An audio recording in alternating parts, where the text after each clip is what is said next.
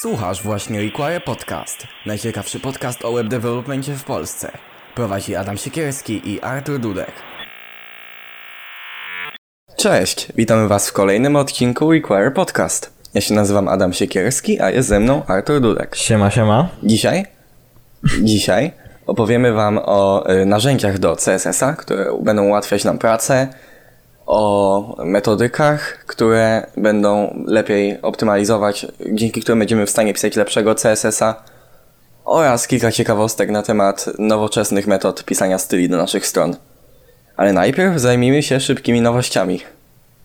Dobrze, więc w szybkich nowościach mamy kilka takich nowych, ciekawych e, aktualizacji, takich ciekawych e, generalnie rzeczy, które wydarzyły się dosyć niedawno. E, na przykład e, to, co wydarzyło się już jakiś czas temu, o czym nie do końca powiedzieliśmy, jakby pominęliśmy to trochę, to jest to, że NPM merge'uje się razem z GitHubem. E, cały ten NPM Inc. jest e, kupi- e, kupiony po prostu przez GitHuba i Podobno nie ma być e, jakichś większych zmian, ma to być wszystko nadal darmowe, publiczne i tak dalej. E, Po prostu pod, pod nowym zarządem, ale ciekawe co z tym zrobią. Oni już od pewnego czasu się kierowali ku sobie, gdy wyszło GitHub Packages, nie? to Mhm, już było. Dokładnie. Ale teraz to oznacza, że NPM należy do Microsoftu. Dokładnie, tak jak, Skoro tak jak GitHub też no. należy do Microsoftu. Uuu. Wszystkie No te duże korporacje wszystko wykupują, jak zwykle. Znaczy no Microsoft też już teraz współpracuje z Linuxem, więc swego rodzaju są już teraz bardziej No, open no. source. tak, fajnie, że, że w tą stronę trochę idą. E, Kolejną ciekawą nowością jest e, fakt, że Chromium dostał aktualizację, a zarazem Chrome i zmienili nazw- i zmienili wygląd tych kontrolek domyślnych, czyli e, przycisków, pól do wpisywania tekstu, color pickerów, czy na przykład date pickerów. W ogóle ten nowy date picker jest świetny, bardzo mi Tak, się tak. podoba. Piękne. No i to jest najnowszej już marcowej aktualizacji, więc będzie w użytku. E, Może do niektórych stron się dostosuje. Już nie trzeba będzie tego stylować, ale naprawdę jestem zadowolony z tego date pickera, który wygląda To świetnie. wszystko wygląda generalnie o wiele lepiej. Nie, nie tak prehistorycznie jak wcześniej. No jakby bardzo mnie dziwił fakt, że oni już ten material design, material design, a Właśnie, nagle właśnie. same, a zawsze same przyciski wyglądały po prostu no źle. No. Ładnie, ładnie pokolorowane są na niebiesko i takie tam. Tym bardziej, kiedy chcemy napisać jakiś admin panel czy coś, żeby po prostu mieć, e, wiadomo, Tak, że to już e, móc jest szybko zbudowane. Mhm. zarządzać dużymi ilościami danych. Że już, To wtedy nam się nie chce pisać styli tak, takich że już nie trzeba pisać osobnego całego CSS-a z z całej strony i można się bardziej skupić na no, zarządzaniu tak jakby swoim serwisem, nie? Mhm. Jeszcze z nowych rzeczy jest to, że y, Facebook zaczął development, y, to już poszło w open source, już jest na GitHubie. Y, Tworzą taki cały toolchain do JavaScriptu, czyli wszystko, kompilator, linter, module bundler, framework do testowania, wszystko i to będzie jako jedna po prostu paczka. Bardzo innowacyjne podejście, gdyż zawsze jakby się przejmuje, że instalujemy wszyscy, kilka paczek do wszystkiego, a oni to zrobią w ramach monolitu. Tak, taki, Ciekawy jestem, taki to wyjdzie. everything in one, wszystko przez nich napisane. Yy, no. Roam się Roam.js. nazywa, Roam.js, Tak, dokładnie. Link będzie oczywiście na naszej stronie w archiwum. Zapraszamy. No i jeszcze jedna rzecz, o którą chcielibyśmy wprowadzić, to jest y, takie, że opowiemy sobie o tym, czego się nauczyliśmy w zeszłym tygodniu, bo to jest zawsze motywujące, motywuje do nauki nas i was i też warto się zawsze dowiedzieć, czego się ktoś uczy, no bo jakby warto się cały czas uczyć. Dokładnie. Y, Więc czego się uczysz? Ja ostatnio dużo się uczę Kotlina, czyli takiego języka, który dosyć odchodzi od tego, e, tego takiego, e, tych webowych języków ogólnie w stylu JavaScript i, i tych innych, które zazwyczaj, e, z których zazwyczaj korzystałem. Głównie uczę się go, żeby po prostu móc pisać lepiej i bardziej mieć taką, te, ten taki lepszy natywny experience, nie tylko przez ten, przez Reacta Native. Tak, Mhm, bo Kotlin jest bardzo wydajny, razem ze Swiftem. Mhm, dokładnie. Tworzą ten segment takich nowych języków, bo one wyszły, są świeżo, są całkiem świeże. Tak, takie Swift nowoczesne. wyszedł w 2014, Więc one mają bardzo nowoczesne podejście, mają bardzo bogatą składnię, a jednocześnie są super wydajne. Tak, I tak. dość proste w nauce. Właśnie, właśnie. Posiadają te wszystkie udogodnienia typu typy, e, statyczne właśnie typowanie, No. łatwe pisanie testów jednostkowych, one są takie bardzo kompletne. To mi się mega Tak, podoba tak. w nich. Właśnie tak się śmiałem do Adama ostatnio, że Kotlin to jest tak jakby wzięli J- J- Javę i skompresowali ją do takiego JS-a. Well, no praktycznie to jest to. Basically, no. Mm, Z tym, że no właśnie to są języki kompilowane. Te nowe języki kompilowane są super. No bo Python to jest język interpretowalny. Mhm. E, tak samo jak JavaScript. To są języki jednak interpretowalne. A to jest język kompilowalny. No w sumie Go jeszcze jest, nie? Taki jest też kompilowany. No, no. Czy Rust. Ale no, jestem ciekawy jak to wyjdzie. Tak, tak. Natomiast ja się uczę ostatnio Angulara, żeby mieć taki już ogólny pogląd na ten cały świat. Cała, e, cała, cała ta trójca. Vue, React i Angular. ta cała trójca święta, żeby to umieć. Po prostu, bo się kiedyś może przydać. No. I Angular jestem bardzo, za, jestem bardzo e, zdziwiony, że to aż takie fajne. Osobiście kiedyś pisałem e, backend w Nextie, w Nestie, przepraszam. Bardzo taki fajny, oparty na TypeScriptie mm, framework do backendu w JS-ie. No i ten, to samo podejście prezentuje Angular, bo Nest był inspirowany Angularem. Czyli tam mamy te moduły, mamy osobno view, osobno kontrolery, osobno serwisy, ten cały system z serwisami, to jest fajne, bo w Reactie musimy pisać React Saga, a tutaj mamy Redux Saga, mamy te wszystkie Reduxy, a tutaj możemy stworzyć dosłownie sobie nieskończoną ilość tych global state'ów formie klas, więc to jest bardzo fajne, ten cały global state management, Hmm. te serwisy. To ciekawe. Ogólnie to pełno, pełno ostatnio widziałem e, tak jakby e, job opportunities i, i, i reklam, e, że szukają po prostu prac ludzi, którzy pracują z e, Angularem, nie? I właśnie też, też się zastanawiałem, czy samemu się tego nie nauczyć. Angular jest taki, ma bardzo podejście taki enterprise-wise, że Tak, tak. on, je- jesteś z nim w stanie tworzyć bardzo duże aplikacje. Mimo, że to jest single, że to jest e, single page application, to on jest w stanie tworzyć bardzo takie zaawansowane serwisy. Jest po prostu świetny do pracy z danymi, nie? Jeżeli chcemy sobie wyświetlić dużą ilość danych, jakiś No. tam panel dla administratora, czy jakaś stronka typu e, kontakt z, z, z klientami, gdzie trzeba dużo danych wyświetlić, to Angular jest do tego świetny. tak, tak. Kiedyś widziałem nawet chyba jakieś tam rozszerzenie do WordPressa czy czegoś. Uuu. Nie pamiętam dokładnie. I było właśnie napisane, że y, frontend jest napisany w Angularze. A to Ten cały TypeScript daje mu tyle, te wszystkie dekoratory, to jest, Tak, daje mu tyle tak. możliwości, Dokładnie. czego dosłownie y, jak się nie jesteśmy w stanie doświadczyć, a on tworzy taki bardzo kompletny, kompletne doświadczenie jest z tym Angularem. Mhm. Tak, oczywiście. TypeScript jak zwykle. Na propsie. No dobrze, a teraz przejdźmy już do właściwego tematu, czyli do narzędzi do CSS-a. Yy, oczywiście w CSS-ie piszemy wszystkie nasze style naszych stron internetowych i przez charakterystykę tego języka jest dość ciężko y, utrzymać go w tej bazowej formie, y, żeby to był czysty kod jednak, no bo zdarzają nam się pliki CSS po tysiąc linii, jeżeli mamy dość obszerną stronę napisaną, napisaną w czystym HTML-u, czego jednak należy się ustrzegać. No. Mm, I właśnie dlatego warto korzystać z narzędzi, które nam pomogą pracę z tym CSS-em, gdyż one w pewien sposób wymuszą nam ten porządek w kodzie i pomogą nam go utrzymać jednak. No. Tak jak ostatnio mówiliśmy, code quality to jest bardzo ważna rzecz generalnie. Mhm, żeby potem nie było, że wracamy do kodu po kilku tam nawet tygodniach i myślimy sobie, dobra, ale co tu się dzieje w ogóle? No, dokładnie, cały taki mess. Ale najpierw zanim już y, same narzędzia, to zajmiemy się czymś, y, czym jest metodyka w CSS-ie. Otóż metodyka to jest y, pewien zbiór zasad, którymi się powinniśmy kierować przy nazywaniu klas, przy dzieleniu elementów, y, przy po prostu dopasowywaniu klas do danych elementów. Jest kilka do tego podejść. Jedne twierdzą, że nie powinniśmy w ogóle określać na przykład naszych elementów per to, co mają robić, a per to, co mają, czy mają być.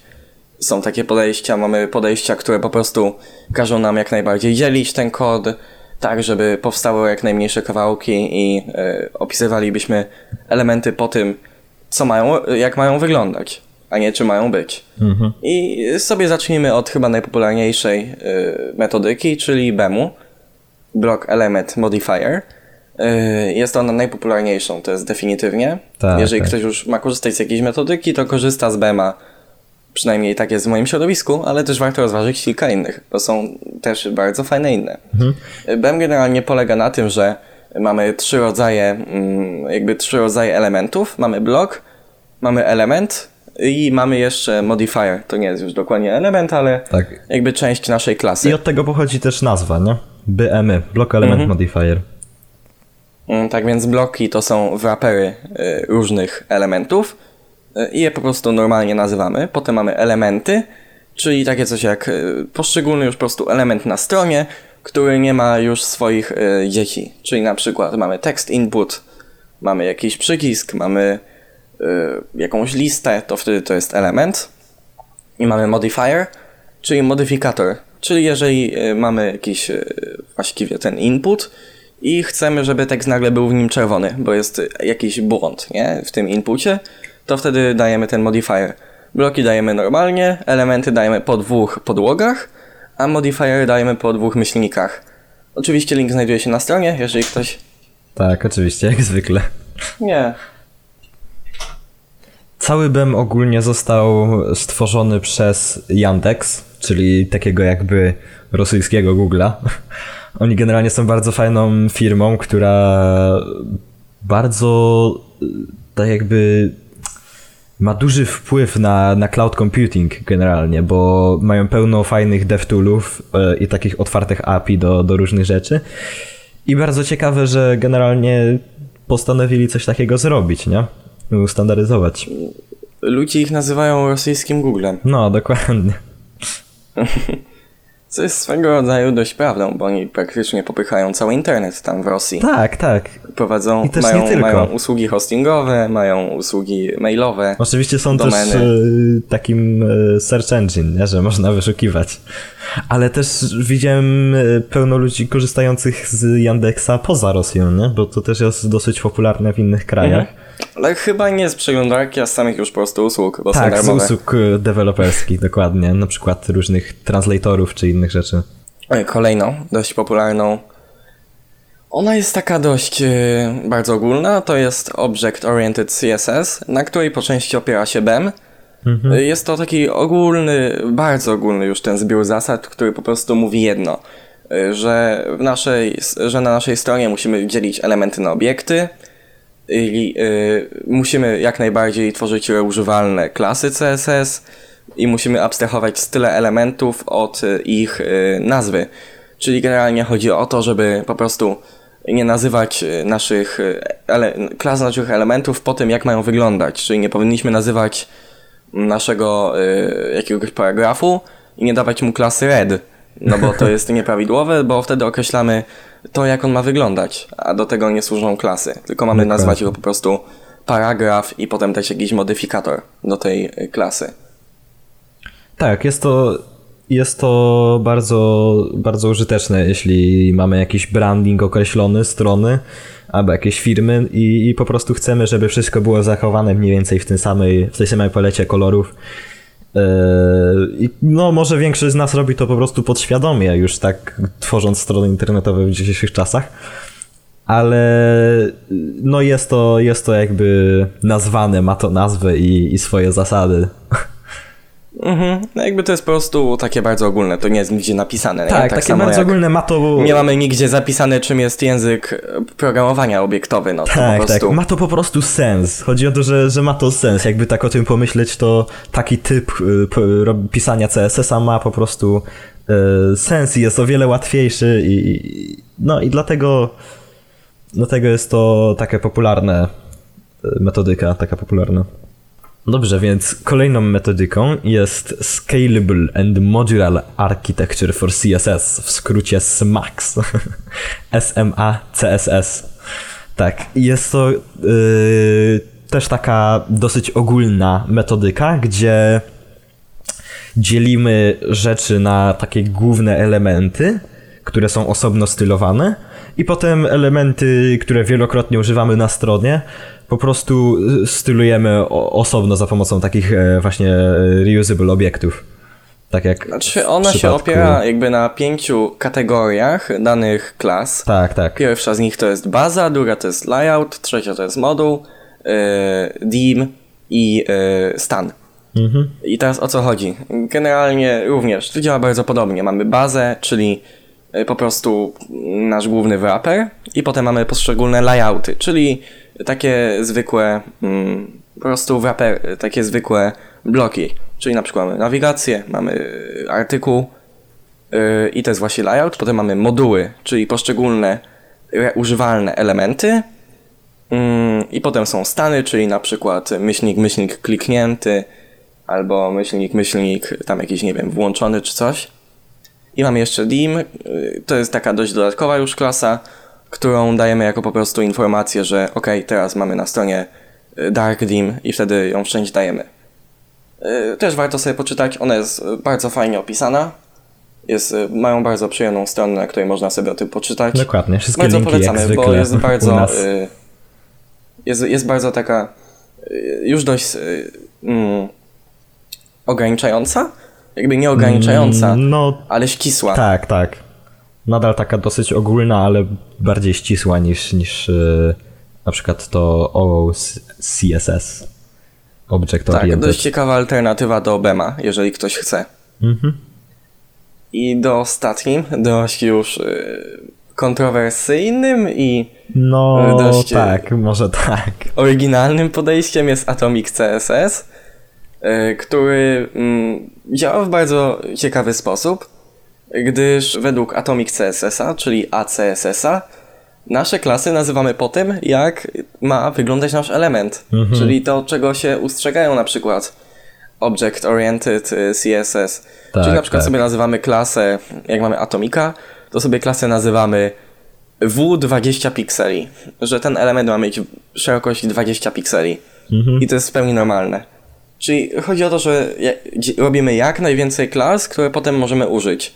Na przykład sobie tworzymy klasę specjalnie dla elementów, które mają mieć, e, nie wiem, no mają mieć text align right, tak? I tam mamy jakiś zestaw styli, że na przykład ma być jeszcze padding, kiedy ma ten element tak. I wtedy jest, e, mamy elementy, które mają po na przykład 10 klas. Dość ciekawe podejście, jeżeli ktoś e, ma i chce go spróbować, to spoko ale nie uważam, żeby kod taki napisany CSS-owy przy, przy pomocy Atomic CSS-a był dość czytelny. Jakby gdyby się, gdyby się temu przyjrzeć, to to też ma jakiś swój sens osobny, nie? I te o, o, mhm. obie, oba różne takie odłamy y, tego nazywania według tego, jak wygląda i tego według co ma robić, to też oba mają osobne, sensowne takie za i przeciw. Mhm. To jak coś jak programowanie obiektowe i funkcyjne. Dokładnie, tak samo praktycznie. Można taki podział dokonać, gdyż jest to dość relatywnie podobna sytuacja. Mhm. Już teraz nie metodyki, ale przejdźmy do kolejnego segmentu, czyli do preprocesorów. Yy, tak więc, kiedy już mamy wybraną tą metodykę, to warto korzystać z narzędzi, które ten CSS nam jeszcze przekompilują. I wtedy będzie nam się go pisał łatwiej, gdyż CSS ma kilka problemów składniowych mhm. w swojej czystej postaci i to pomagają nam zwalczyć preprocesory, czyli takie programy, które przy każdej zmianie będą się odpalać i będą y, transpilować naszego tego CSS-a napisanego w tym języku preprocesorowym na czystego CSS-a. Więc nie, one nie dodadzą nam dodatkowych y, możliwości do CSS-a, ale ułatwią nam z nim znacząco pracę, zmieniając pewien syntaks, czy jakieś dodawając, dodając różne rzeczy, które normalnie by musiały poświęcić więcej kodu. No, to tak samo jak na przykład, to tak samo jak na przykład z, z frameworkami w stylu React, nie? nie? Nie pozwoli ci na nic więcej, czego nie można by było zrobić w czystym z HTML-u i JS-ie i CSS-ie, ale na pewno ułatwia tą, tą pracę, nie? I niektóre aspekty, na przykład samego czystego HTML-a. Mhm. I chyba najpopularniejszym jest y, SAS i SCSS, z którego korzystają praktycznie wszyscy. To jest taki pierwszy wybór i nie chcielibyśmy też wam go tak polecać, że korzystajcie tylko z tego, gdyż y, przedstawimy wam kilka, których może nie znacie, a są naprawdę fajne. Tak, i warto sobie obczaić każdy osobno i zdecydować samemu. Mhm. To potem opowiemy, ale zacznijmy już od tego najpopularniejszego SASA i SCSS-a. Y, One ogólnie mm, to jest jeden jakby preprocesor, który wspiera dwa rozszerzenia plików, czyli wspiera dwa syntaksy. Mamy SCSS, ten popularniejszy, który jest praktycznie y, zwykłym CSS-em. Wygląda, Z tym, że wygląda pozwala- praktycznie tak jak CSS, tylko ma takie dodatkowe jakby... Jakby wrzuciwszy kod z CSS-a do SCSS-a, on będzie kompatybilny. Tak, tak, jest... Tak, działa zwykły, po, zwykły sam czysty, CSS jest poprawny, nie? W tym, w tym syntaksie. Mhm. I on nam wrzuca takie ułatwienia, że na przykład jak chcemy sobie dodać element wewnątrz innego elementu, no to nie musimy dawać y, po spacji po prostu, czyli nazwa klasy, czy na przykład wrapper.element, tylko mamy style tego wrappera i wewnątrz sobie już tych klamr tego wrappera wrzucamy sobie style tego elementu. To jest takie dość podstawowe ułatwienie. Mamy mixiny, czyli że tworzymy sobie zbiór zasad, E, i następnie wrzucamy je sobie do innego elementu. Czyli chcemy na przykład, że mamy zbiór zasad taki podstawowy dla naszego mm, po prostu tekstu w aplikacji. Tak jak na przykład kolor, czy tam inne rzeczy, no to wtedy sobie wrzucamy, nie? Ten zestaw zasad. Tak, taki... Jakieś tam podstawowe paddingi, No. Czy, czy i tym podobne rzeczy, to wtedy sobie wrzucamy, to jest właśnie w postaci mixinów. Jest to dosyć prosty Mm. syntaks, szczerze mówiąc. Taki bardzo Jakby tego się intuitive. nie trzeba uczyć, to Dokładnie. po prostu korzystamy z tego. Intuicyjny to bardzo. Można też definiować zmienne, które no, przydają się tak jak praktycznie w każdym innym języku, że nie trzeba zmieniać. E, jeśli mamy jakiś branding na stronie, jakiś swój kolorek, to wystarczy zmienić jedną zmienną i cały kod po prostu zmienia nam na, na ten kolorek, czy, czy na Tak, tą bo rzecz. ostatnio, bo ostatnio, ostatnio powstały zmienne oczywiście w, HT, w CSS-ie, ale jeszcze nie są wspierane wszędzie, więc on nam je po prostu przekompiluje.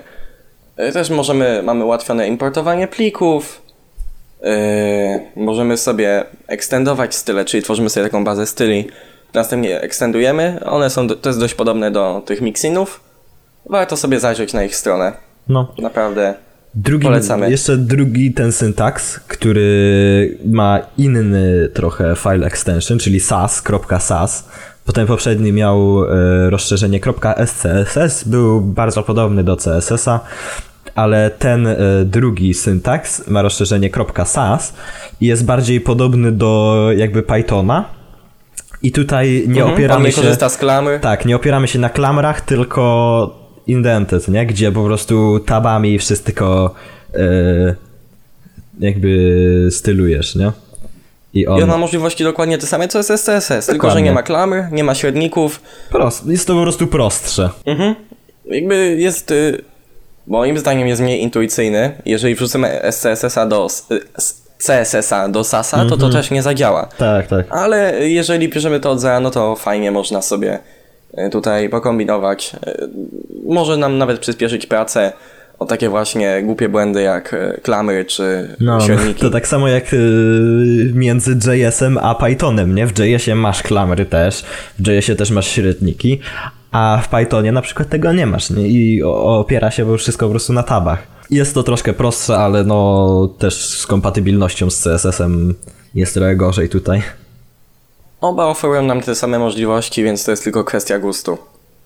No, dokładnie. I ich głównym konkurentem jest y, Les, o którym też opowiemy. On się staje coraz mniej popularny ze względu na to, że y, no już coraz mniej ludzi z niego korzysta, więc jakby on już się stacza na dno. Y, on na początku był popularny ze względu na to, że SAS i STSS są napisane w Rubim, a Les jest napisane w Node.jsie. Bo to powstało tak, że najpierw powstało właśnie to SAS i STSS jako pierwszy ten preprocesor, potem wyszedł Node.js i powstał Les. I ludzie się bardzo z tego powodu ucieszyli, Tak, tak. że było im łatwiej zintegrować je z ich narzędziami typu Galp, Tak, tak. y, z taskrunnerami, bo one były jednak, na, bo jakby cięż, ciężej było zintegrować Rubiego z y, tym zwykłym JS-em, A Les był napisany w Node.jsie, więc jakby To, to, nie było to, to miała być problemu. taka hipsterska alternatywa, nie? Że Node.js, yeah. I on się, swego on się swego czasu stał bardzo popularny ze względu na to, że, zata- że zaczął z niego korzystać framework Bootstrap. Od wersji pierwszej do wersji chyba trzeciej. I potem powstał Webpack, powstały module bundlery, powstał Node.js, który udostępniał API Sasa i STSS-a do e, właśnie Node.jsa. Ile zaczął powoli odchodzić w niepamięć, e, przy czym jego dziwactwa zaczęły odrzucać ludzi, bo miał kilka takich dziwnych syntaksowych dziwactw. E, więc ludzie zaczęli korzystać z as- coraz więcej z Sasa i STSS-a, jednak nawet jak pisali w czystym, jakby pisali w JS-ie, bez żadnego frameworku backendowego. Y, Potem właśnie pojawiła się sytuacja, że Bootstrap w wersji czwartej przeszedł na SCSS-a i ten les stawał się coraz mniej popularny, obecnie chyba nieużywany. No, Więc przez pewien czas nie było nic oprócz Sasa i STSS-a, gdzieś tak po 2016 roku. Aż wreszcie powstało kolejny preprocesor, y, którego ja bardzo lubię. Mm, Ostatnio z niego korzystam, y, właśnie w tym moim projekcie angularowym i jest nim Stylus. Y, On się cały czas rozwija, jeszcze nie jest aż taki popularny, ale jest naprawdę fajny. Napisany w Node.jsie, bardzo wydajny, jest nowoczesny, y, oferuje nam możliwość wrzucenia różnych rozszerzeń, co jest super. Ma natywną integrację z PostCSS-em, o, czym, o, o którym opowiemy zaraz. I Stylus jest bardzo taki flexible, że możemy pisać w dowolnym syntaksie, jaki chcemy, nie? Jakby on nie zwraca uwagi nam, czy mamy te średniki, czy nie. I on, to jest jakby to sam, ten sam plik, nie? Nawet w obrębie tego samego pliku możesz pierwszą połowę pisać w klamrach, a potem się rozmyślasz i usuwasz wszystkie klamy, średniki i dwukropki. no. Y, Ma bardzo fajne ułatwienia, naprawdę polecamy. Tak, SAS, SAS i LES generalnie oba jakby wspierają te same rzeczy stylu zmienne, mixiny, e, te, te jakby nestowanie, wstawianie klas w klas, e, klasy w klasy generalnie i podobny też trochę syntaks, więc to jest generalnie no tylko taka Warto z niego korzystać, obszajcie sobie, będzie oczywiście link na stronie. No, tak jak, tak jak zwykle, oczywiście jest to tylko taka e, kwestia po prostu kto co lubi, nie? Niektórzy mogą woleć Sasa, niektórzy mogą woleć Lesa, niektórzy na przykład Stylusa. Wszystkie generalnie pozwalają ci na mniej więcej to samo, no. Podobne Tak, syntaksy. no to jest, to jest nasze, to jakby naszym zadaniem nie jest właśnie też mówienie, że komu z czego ma korzystać, bo to jest oczywiście No, no. kwestia indywidualna i kwestia samego projektu, nie? Może jeden projekt będzie bardziej się do tego nadawał, drugi do tego, zależy, zależy co ten, nie? No, trzeba po prostu wszystko wypróbować samemu i stwierdzić, co nam najbardziej pasuje. No, bo to jest taka bardzo indywidualna kwestia. I jeszcze jedną rzeczą, o której y, chcemy powiedzieć, jest oczywiście mm, też jeszcze. No właśnie, czy to jest preprocesor? Bo jest nim post CSS. Ja bym go, nazw- ja bym go raczej nazwał postprocesorem. Aha. Otóż dlaczego? Jest to narzędzie, które mm, już nie bardziej nam preprocesuje tego CSS-a, czyli wprowadza nam jakiś nowy syntaks, ale on już bardziej go edytuje w postprodukcji, czyli na przykład y, mamy mm, jakiś tam rzecz, która wymaga prefiksów jeszcze w innych przeglądarkach, na przykład mamy y, gradient, nie? I ten gradient się różni nieco w Internet Explorerze, nieco się różni w Firefoxie, nieco się różni w y, WebKicie. No i ten post CSS y, możemy sobie użyć tej podstawowej wersji, tego właśnie gradientu, a on w przetwarzaniu właśnie tego kodu już skompilowanego, on nam doda te pozostałe, te prefiksy. On po prostu kompiluje nasz kod po tym y, jeszcze raz, po tym jak na przykład użyjemy jakiegoś innego preprocesora. Bo Tak. możemy używać na przykład Sasa i potem jeszcze wrzucamy post CSS-a. I naprawdę dodanie tego post CSS-a do projektu jest bardzo proste. Nie musimy praktycznie nic zmieniać w naszych poprzednich ustawieniach, tylko dorzucamy post CSS-a i on tam dorzuci te swoje artefakty. No, jest to generalnie po prostu taki magiczne narzędzie, które upiększa nam e, CSS-a i sprawia, że generalnie po prostu piszemy automatycznie lepszego CSS-a, który jest bardziej kompatybilny, na przykład e,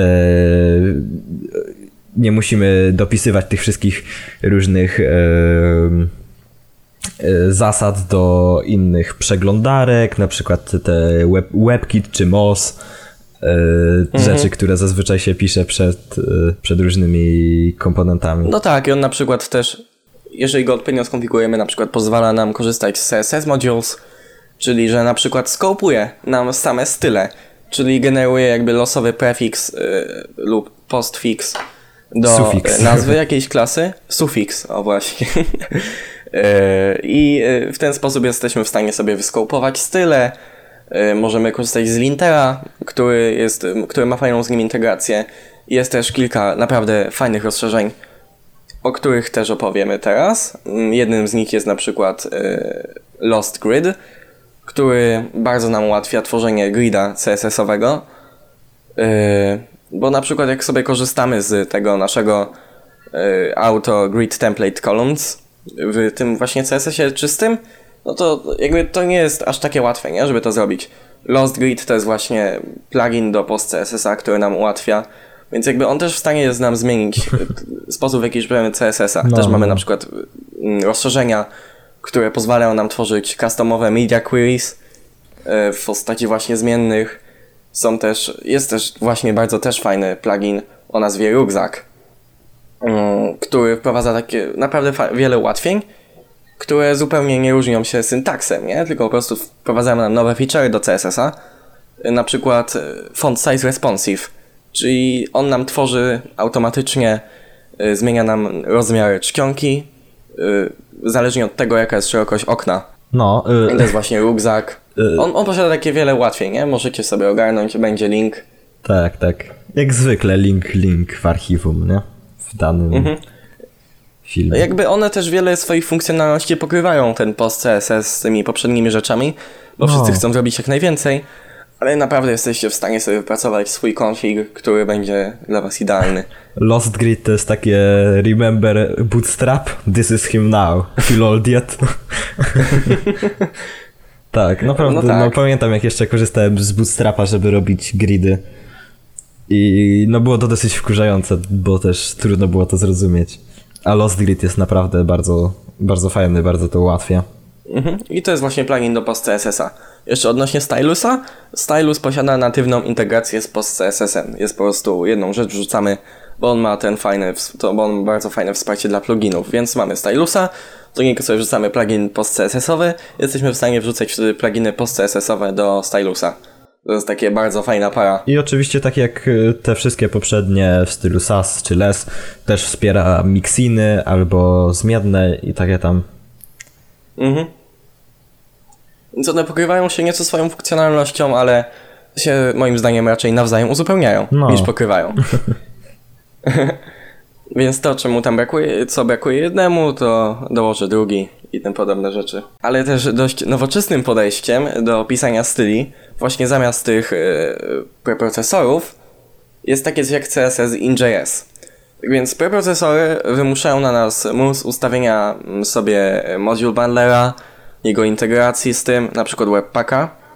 Yy, I jest to co prawda bardzo yy, fajne rozwiązanie, jeżeli chodzi o rokowanie i czystość całego projektu, ale są też alternatywy, jeżeli korzystamy z jakichś frameworków. I ułatwia to po prostu generalnie, bo na przykład nie trzeba mieć osobnych plików dla CSS-a. Jak chce się po prostu napisać coś prostego, to, to wystarczy, że wstawimy to, jak sama nazwa wskazuje, CS, CSS in.js, czyli wstawiamy to od razu w naszym pliku, na przykład komponentu czy czegoś. Mhm. I właśnie ten CSS in.js pozwala nam na pisanie styli w JavaScriptie za pomocą zwykłego syntaksu CSS-owego. I to nie chce wcale w taki sposób, że po prostu nam te style wejdą jako y, obiekt i tam on będzie działał inline styles y, po skompilowaniu, tylko one rzeczywiście będą działać w taki sposób, że będą nam generować klasy i pliki CSS. No. Y, Jest to naprawdę fajne rozwiązanie i jednym z takich rozwiązań typu CSS in.js jest oczywiście Style Components, które wspiera Reacta i Vue. Jest to najlepsze rozwiązanie moim zdaniem. Tak, moim zdaniem to jest najładniejsze chyba. Mhm, No. One po prostu sobie, Style Components mają już taką renomę. Tak, tak. Bardzo prosty syntaks ma, wystarczy po prostu jednego konsta wstawić i tam piszemy y, CSS-a. Oczywiście wspiera też y, SCSS-a czy SASA. Mhm, tak, one, one wspierają. Style Components y, posiadają syntaks STSS-a. Mhm. Y, jak to działa, tworzy, jakby każdy, każdy komponent, y, jakby one nam generują komponenty na podstawie styli, które im damy. Czyli dajemy sobie konstant tam jakiś, nie wiem, header równa się mm, i sobie przypisujemy do niego wartość, jakby tworzymy sobie style. nazwa komponentu natywnego w HTML-u i wtedy sobie dodajemy, dodajemy do niego style. Tak, i potem w Reakcie jak piszemy z tą stronę, to yy, komponenty zamiast po prostu tagów yy, HTML-owych zwykłych czy czegoś innego, to wstawiamy nazwę tego konsta, nie? Jako tak, no to jak komponent. nazwa wynika, one nam generują komponenty, style components nam generuje komponenty, które posiadają już zainjektowane od razu styl. Mhm. Y, one bardzo fajnie działają, bo mm, skołpują nam style bezpośrednio do danego elementu. Nic się nie miesza, są fajnie zintegrowane z server-side renderingiem. Tak, bardzo, bardzo ładnie to wygląda, nie? Mieć wszystko w jednym jakby komponencie. Szczególnie jeśli nie jest to jakiś duży komponent. I daje to nam ten komfort, że nie musimy wymyślać nazwy klas, nie? Tak, Które dokładnie. Są... I też nie musimy tych używać metodyk takich jak BEM, gdyż jakby wszystko nam się, mm, tworzy nam się takie drzewko, właśnie to bemowe, to drzewko relacji, nam się tworzy po prostu w domie. No, dokładnie. E, w metodzie render i widzimy tą całą relację, gdyż jakby kom komponent jest po prostu definicją stylu w tym przypadku. Kolejnym takim e, troszkę podobnym, e, też używanym w JSX-ie, w Reactie, jest coś takiego, co się nazywa Start JSX zostało stworzone przez firmę Zaid, o której już mówiliśmy tutaj kiedyś na podcaście. Bardzo, bardzo fajna firma. Bardzo wiele ciekawych rzeczy zrobiła, między innymi też to. E, jest to bardzo taki fajny e, taka jakby dodatek do e, zamiennik może trochę Style Components. Można generalnie w naszym JSX-ie wstawić taga style.jsx i tam możemy od razu wpisywać CSS-a i, i jest to zoptymalizowane, bardzo szybkie. Tak, bo działa to tak, jakbyśmy normalnie dawali po prostu tag style w HTML-u, z tym, że to działa nieco inaczej, y, gdyż on potem i tak nam kompiluje nazwy klas. Mhm. Y, I to jest bardzo fajne rozwiązanie, gdyż pozwala nam praktycznie używać samych stylach state'a reaktowego. I tak jak w Style Components, o czym jeszcze nie wspomnieliśmy, dajemy sobie właśnie tę dynamiczną, tą dynamikę tego komponentu, musimy sobie dawać przez propsy do komponentu, to, to tak to po prostu sobie dajemy template literalnie i sobie ten state y, normalnie uzyskujemy tak, jak byśmy korzystali normalnie z komponentu. Po prostu sobie dajemy w template literal this.state i mamy praktycznie, jakby to jest, wtedy ten styl staje się częścią komponentu bezpośrednio częścią kodu komponentu. Tak, dokładnie. Tak jak w Style Components on jest jednak wyabstrahowany nieco przez to, że musimy dawać ten stan przez propsy. Tutaj ten styl się staje częścią komponentu. To jest bardzo fajne. No, ułatwia nam generalnie pisanie jakby samego w sobie czystego CSS-a w, w Reakcie na przykład. Tak, i Style.jsx również wspiera y, syntaks SASA i SCSS-a. Oczywiście, tak jak Style Components. I bardzo podobnym podejściem charakteryzuje się cały framework Vue.js, y, gdyż w jego przypadku nasze komponenty y, są tak naprawdę plikami .vue. I każdy taki plik zawiera trzy tagi. Zawiera tag template, zawiera tag scripts i zawiera tag style. I działa to tak, że mm, w, ta, w tagu template e, definiujemy to, jak nasz komponent wygląda, czyli taka metoda render. W tagu script eksportujemy jakby nasz komponent w formie obiektu i zamieszczamy tam całą logikę typu mm, właśnie metody, typu cały stan komponentu, typu definicję mm, propsów i właśnie jest też tag y, style, który działa w ten sposób, jak mniej więcej w z tym style JSX. Piszemy tam normalnie style, mm, one też bardzo łatwo się integrują z naszym kodem naszego komponentu, przez to, że również to ma dostęp do y, całego stanu komponentu, jest to w jednym miejscu praktycznie. Y, umożliwia nam korzystanie z syntaksu również y, SASA i SCSS-a oraz domyślnie korzysta z post CSS-a, czyli tego postprocesora, o którym mówiliśmy wcześniej, więc cały kod napisany we Vue y, CSS-owy stylów jest bardzo taki od razu już y, gotowy jakby do produkcji bez żadnej potrzeby modyfikowania go, gdyż od razu posiada już tego post CSS-a. No. Jest to bardzo miły ruch ze strony twórców Vue.jsa. Adam tutaj, Adam tutaj jest właśnie takim bogiem Vue. Ja się tak troszkę mniej na nim znam, też chciałem się do tego zabrać, do, do nauczenia się porządnie, a, ale jak coś to Adam tutaj chyba najwięcej wie. Czy Vue ja się w ogóle nauczyłem przed, przed Reactem, tak, tak, mi przed Reactem. Vue to był mój pierwszy framework, jakiego się nauczyłem z kursu z poradnika yy, Hello Roman. E, tam mój, mój pierwszy framework to był HTML, CSS.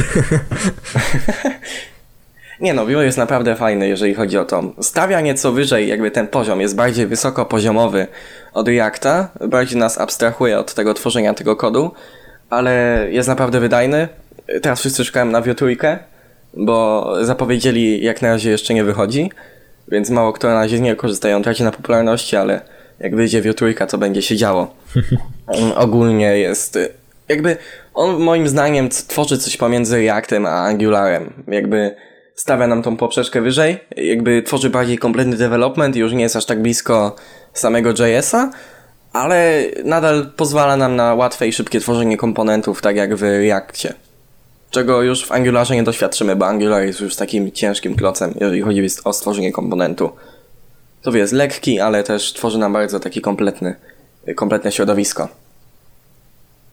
Tak, więc kolejną rzeczą, o której chcielibyśmy wspomnieć, to jest JSS. Jest to coś podobnego trochę do Start Components, lecz e, no, korzysta się z tego troszkę inaczej.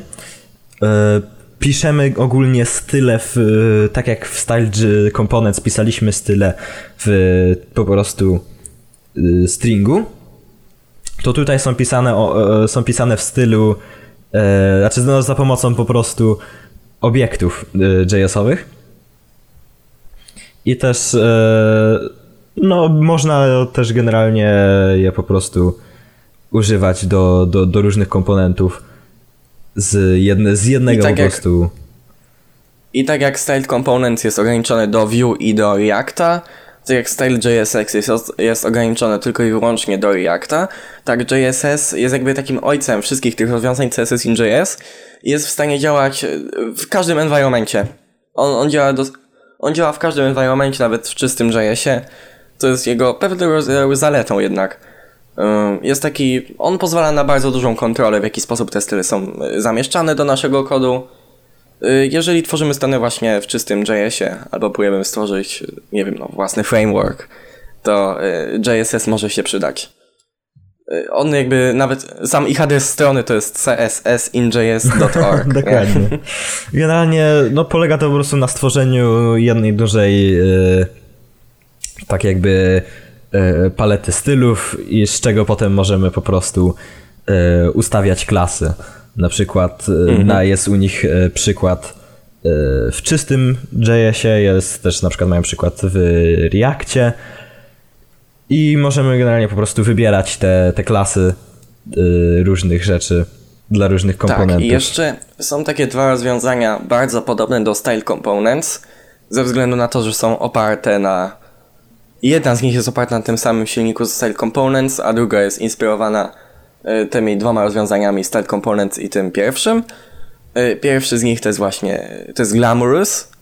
Mm. No, strona nawet wygląda trochę jak Style Components. No bo to jest praktycznie to samo. No. To jest, korzystają z tego samego silnika i różnice są naprawdę w samych detalach. Można sobie przejrzeć i sobie zadecydować. Dokładnie. Ja osobiście korzystam ze Style Components, ale może komuś będzie pasował Glamorous. Yy, widziałem ludzi, którzy z niego korzystają. On chyba powstał, nie wiem czy wcześniej, czy później. Tutaj też jest. Szczerze mówiąc, tego nie sprawdzałem. Tutaj też jest tak samo jak w JSS, używane zamiast yy, w Style Components używamy po prostu stringa, który jest potem przez, przez tą funkcję pobierany i, i interpretowany, to tutaj w Glamorous używamy po prostu obiektu javascriptowego. Bardzo podobny syntaks do, do start, start components w sensie. I, Tak, i jeszcze jest no, Emotion, y, takie pomieszanie Glamorous i y, Style Components. Sami na stronie piszą, że się oboma nimi inspirowali. Ja bym go porównał do takiego czegoś jak, y, nie wiem, Stylus wśród y, rozwiązań CSS in JS, gdyż jest również bardzo flexible, gdyż pozwala nam pisać i w stringu, i w obiekcie. Mhm. Mm, można sobie przejrzeć. Emotion. Dość też mało popularne i nowe rozwiązanie. Tak. Oczywiście link na stronie. Jak zwykle. tak, myślę, że to będzie koniec tych rozwiązań już z CSS in JS.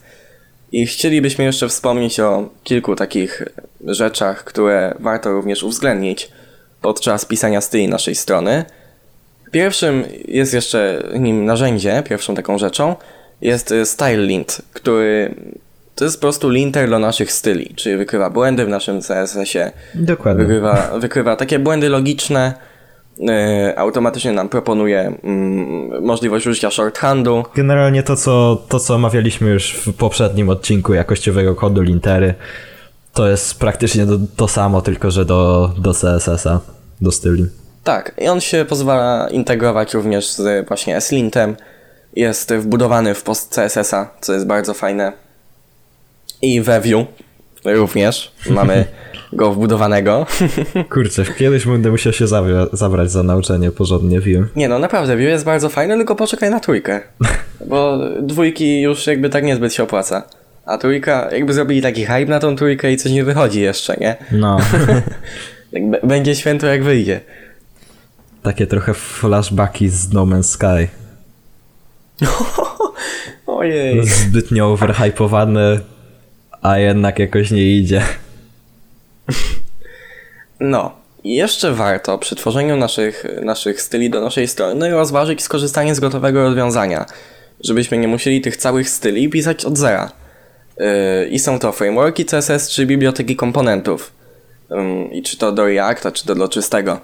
No i oczywiście najpopularniejszym frameworkiem CSS-a, czyli takim yy, importujemy go sobie po prostu jako zwykły plik CSS i pozwala, i on, on ma predefiniowane już klasy, które możemy wykorzystywać w naszym kodzie wszędzie. Tak, po prostu styluje się za pomocą ustawiania danych y, klas, które są u nich w dokumentacji wypisane.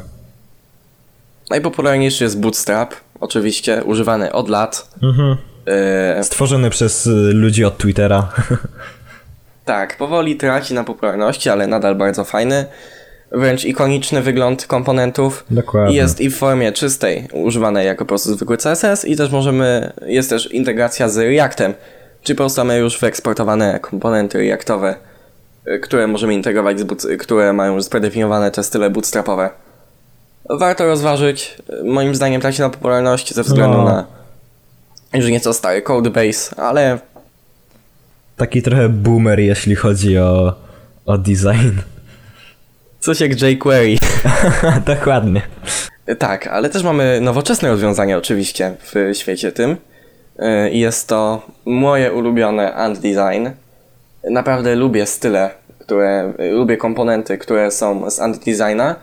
Yy, To jest właśnie biblioteka komponentów do Reacta. Ten styl mi się bardzo podoba. Ant Designa. No, bardzo ładnie, bardzo nowocześnie wygląda to wszystko. Tak, y, super jest, naprawdę. Najbardziej mi się podoba No i to posiada- logo na ich stronie. Posiada bardzo kompletne, kompletną bazę komponentów. Jest tak bardzo nowoczesny jest ten design. Mhm.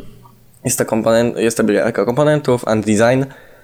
Yy, I też bardzo popularny jest również material design. No, oczywiście nie można zapomnieć o material design. Tak, on jest bardzo uniwersalny. Jeżeli chcemy, yy, jakby on tworzy, on ma bardzo dużą bazę komponentów, więc jeżeli chcemy Mhm. stworzyć aplikację tak na szybko, no bo jakby nie warto jego używać w takiej aplikacji Znaczy, jest taki, yy, jest taki bardzo ikoniczny, bo y, jakby od razu na pierwszy rzut oka kojarzy się po prostu z Androidem, nie? Mhm. Jakby on się nie nadaje do tworzenia, wiadomo, stron takich internetowych, Tak, tak, ale, ale, się nadaje do tworzenia jakichś różnych aplikacji po prostu. Dokładnie, dashboardów albo tworzy- rzeczy y, na przykład y, w- na telefon. Tak, aplikacja na przykład jakaś, jak tworzymy e, użytkową aplikację, no to wtedy rzeczywiście warto użyć material designu, gdyż on jest jakby bardzo dobrze kojarzony, nie? jakby stworzenie customowych styli do aplikacji tam jakiejś na telefon to nie jest Tak, dobry pomysł. jakby- Jakby... raczej ludzie się No, wolą korzystać z rozwiązań, których są przyzwyczajeni. tak, na przykład. I on tak bardzo e, standaryzuje. Na przykład Gmail czy wszystkie te inne Google'owe podstawowe aplikacje z tego korzystają i, i generalnie mi się bardzo podoba osobiście ten cały ich taki styl, design. Jakby to jest to, co na, to, to jest to, na czym przegrywał Android we wczesnych latach z, z iOS-em, że iOS miał już gotowy jakby zestaw e, wyglądu aplikacji. Deweloper korzystał z gotowych komponentów od Tak, samego tak. początku, e, a Android tego jednak nie miał e, i wszystkie i, i działo się tak, że aplikacje miały bardzo różne zachowanie, działały e, różnie w dziwne sposoby czasami. Tak, tak, i tego nie E, chcemy. Generalnie była samowolka. A Apple od początku działało, wiadomo, y, tak samo. Było bardzo koherentne. Jeżeli chodzi o jakby każdy urząd, każdą aplikację, ona działała praktycznie tak samo. Y, Przez to wygrywało Apple. No a potem Google stworzył Material Design i te szanse się wyrównały. I Material Design ma, swoje, ma swoją integrację w praktycznie wszystkim, co chcemy. Mamy Material UI do Reacta, mamy Vuetify do Vue, mamy Angular Material, które jest y, wydane w ogóle w skopie Angulara, nie? Czyli mamy add Angular slash Material, jak instalujemy z NPM-a, czyli jakby sam, sami twórcy Angulara stworzyli to Angular Material, więc to jest bardzo natywna integracja. I mamy Web Components, czyli to nowy standard komponentów w HTML-u. Co najlepsze, to można też tego używać w Swiftie. Mają nawet na stronie tutorial do, do Swifta. Google Developer Swift 102 Structure and Layout. Serio? No, O kurde. No i też jest do Reacta Native, nie? Wiadomo. tak. To jest w ogóle bardzo, bardzo warto Tak, korzystać najlepiej, war- najlepiej Native. właśnie warto z tego, najlepiej jest korzystać z tego, jak e, robimy coś w Reactie Native, bo to wtedy najbardziej daje nam taki natywny look i feel. Mhm. Dokładnie, bo jest jakby tworzy taki bardzo kompletny już experience. I też mamy Semantic UI, kolejną bibliotekę komponentów Coś do takiego Reacta. podobnego jak Bootstrap. Y, Tak, bo on właśnie on bardzo podobnie wygląda. Jakby zawsze mi się to kojarzyło z Bootstrapem. Jakby nie przepadam za stylami y, Semantic UI, ale Ale podo- Może podobnie, się podobać. podobne mają takie jakby e, działania. one tak, one są takie bardzo generyczne. Jak komuś się podoba, to można korzystać. Jakby on tworzy takie strony, które po prostu y, wyglądają naturalnie dla wszystkich. Jakby one nie, nie wychodzą z szeregu. Jeszcze kolejnym takim bardzo ciekawym i moim też bardzo lubianym przeze mnie e, takim e, boilerplate'em, takim czymś w stylu Bootstrapa właśnie albo Semantic jest Skeleton. I jest to bardzo proste, nie ma to zbytnio jakoś dużo różnych takich e, komponentów. Jest to bardzo taki prosty tylko boilerplate, który ustala jakieś takie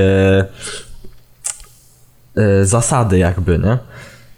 To jest, a, to jest boilerplate. Taki- Czyli to nie jest biblioteka komponentów. Taki, znaczy ma, jest ma jakby- komponenty takie swoje własne, nie? Stylowane swoje, na swój sposób, ale jest to takie bardzo light, że nie Ale jest wiesz to... co, jestem na ich stronie, bardzo mi się to podoba. Tak, tak, mi też się bardzo podoba ten ich, ten ich Wiesz, design. wiesz, do czego bym to wykorzystał? Mam na przykład y, aplikację, y, która mm, no, wymaga po prostu panelu, nie? Dla administratorów. tak, coś takiego po prostego po prostu, no. Albo coś takie, coś, coś, co potrzebuje być napisane szybko i y, musi wyglądać względnie ok. Coś na Bez czym, na czym możemy budować swoje własne też style dodatkowo. No, też to tak może wyglądać. Bardzo ładnie to wygląda, fajna czcionka. Takie, podoba mi się. I chyba myślę, że będziemy kończyć, bo skończyły nam się tematy. No, dosyć wyczerpaliśmy dzisiaj CSS i te wszystkie narzędzia. Tak, więc y, mamy nadzieję, że mm, będziecie z nich korzystać, przynajmniej z części. Y, Podsumowując, naprawdę warto korzystać z preprocesorów, Mm, warto wykorzystywać metodyki, jeżeli piszemy jakby jeszcze ten konwencjonalny sposób. Jeżeli korzystamy z frameworków, to y, warto się zastanowić nad korzystaniem z mm, CSS in JS. Mhm. Z metodykami, z metodykami jest też tak samo mniej więcej jak z y, jak mówiliśmy po prostu w poprzednim odcinku, w jakościowym kodzie. Chodzi o to, żeby po prostu wyglądało to ładnie, szczególnie jeśli jesteśmy w jakimś zespole, żeby były jakieś standardy, żeby, Mhm, żeby ten CSS dokładnie. był jakościowy. Żeby, żeby, żeby się nie różnił żeby się nie różniła jakby mm, konwencja nazywania klas pomiędzy kodami napisanymi przez różnych y, programistów. Ale tak czy siak pewnie się będą jak zwykle różnić. A to wiadomo. Jeżeli nie chcemy pisać dużo, dużej ilości styli, to warto korzystać z frameworka CSS-a lub biblioteki komponentów. I też warto się zastanowić na początku tworzenia projektu nad zintegrowaniem stylinta, który pozwoli nam po prostu szybciej debugować ten CSS. E, Tradycyjnie zapraszamy na naszą stronę internetową Oczywiście. oraz naszego Discorda. Tam będą wszystkie w archiwum e, timestampy. Do tego odcinka pojawią się też w przyszłości pewnie. I Tak, także linki, które, Discorda. które rzeczy, o których mówiliśmy w tym odcinku też będą zalinkowane też tam na stronie. Require at podcast at y, GQ. Y, Zachęcamy do, jeżeli macie jakiś pomysł na odcinek, to pisać do nas. No, Y, maila Wszystkie albo maile są podane na stronie. Mm. Na naszego Discorda, jeżeli chcecie przekazać jakieś uwagi, No, dokładnie. albo po prostu. jeśli y, chcecie zobaczyć jakiś, jak dyskutujemy na jakiś temat, Ojej, nasze kłótnie. to zawsze, może, zawsze możecie zaproponować jakiś swój temat, o którym chcielibyśmy się usłyszeć. No. To żegnamy. Na razie. Cześć.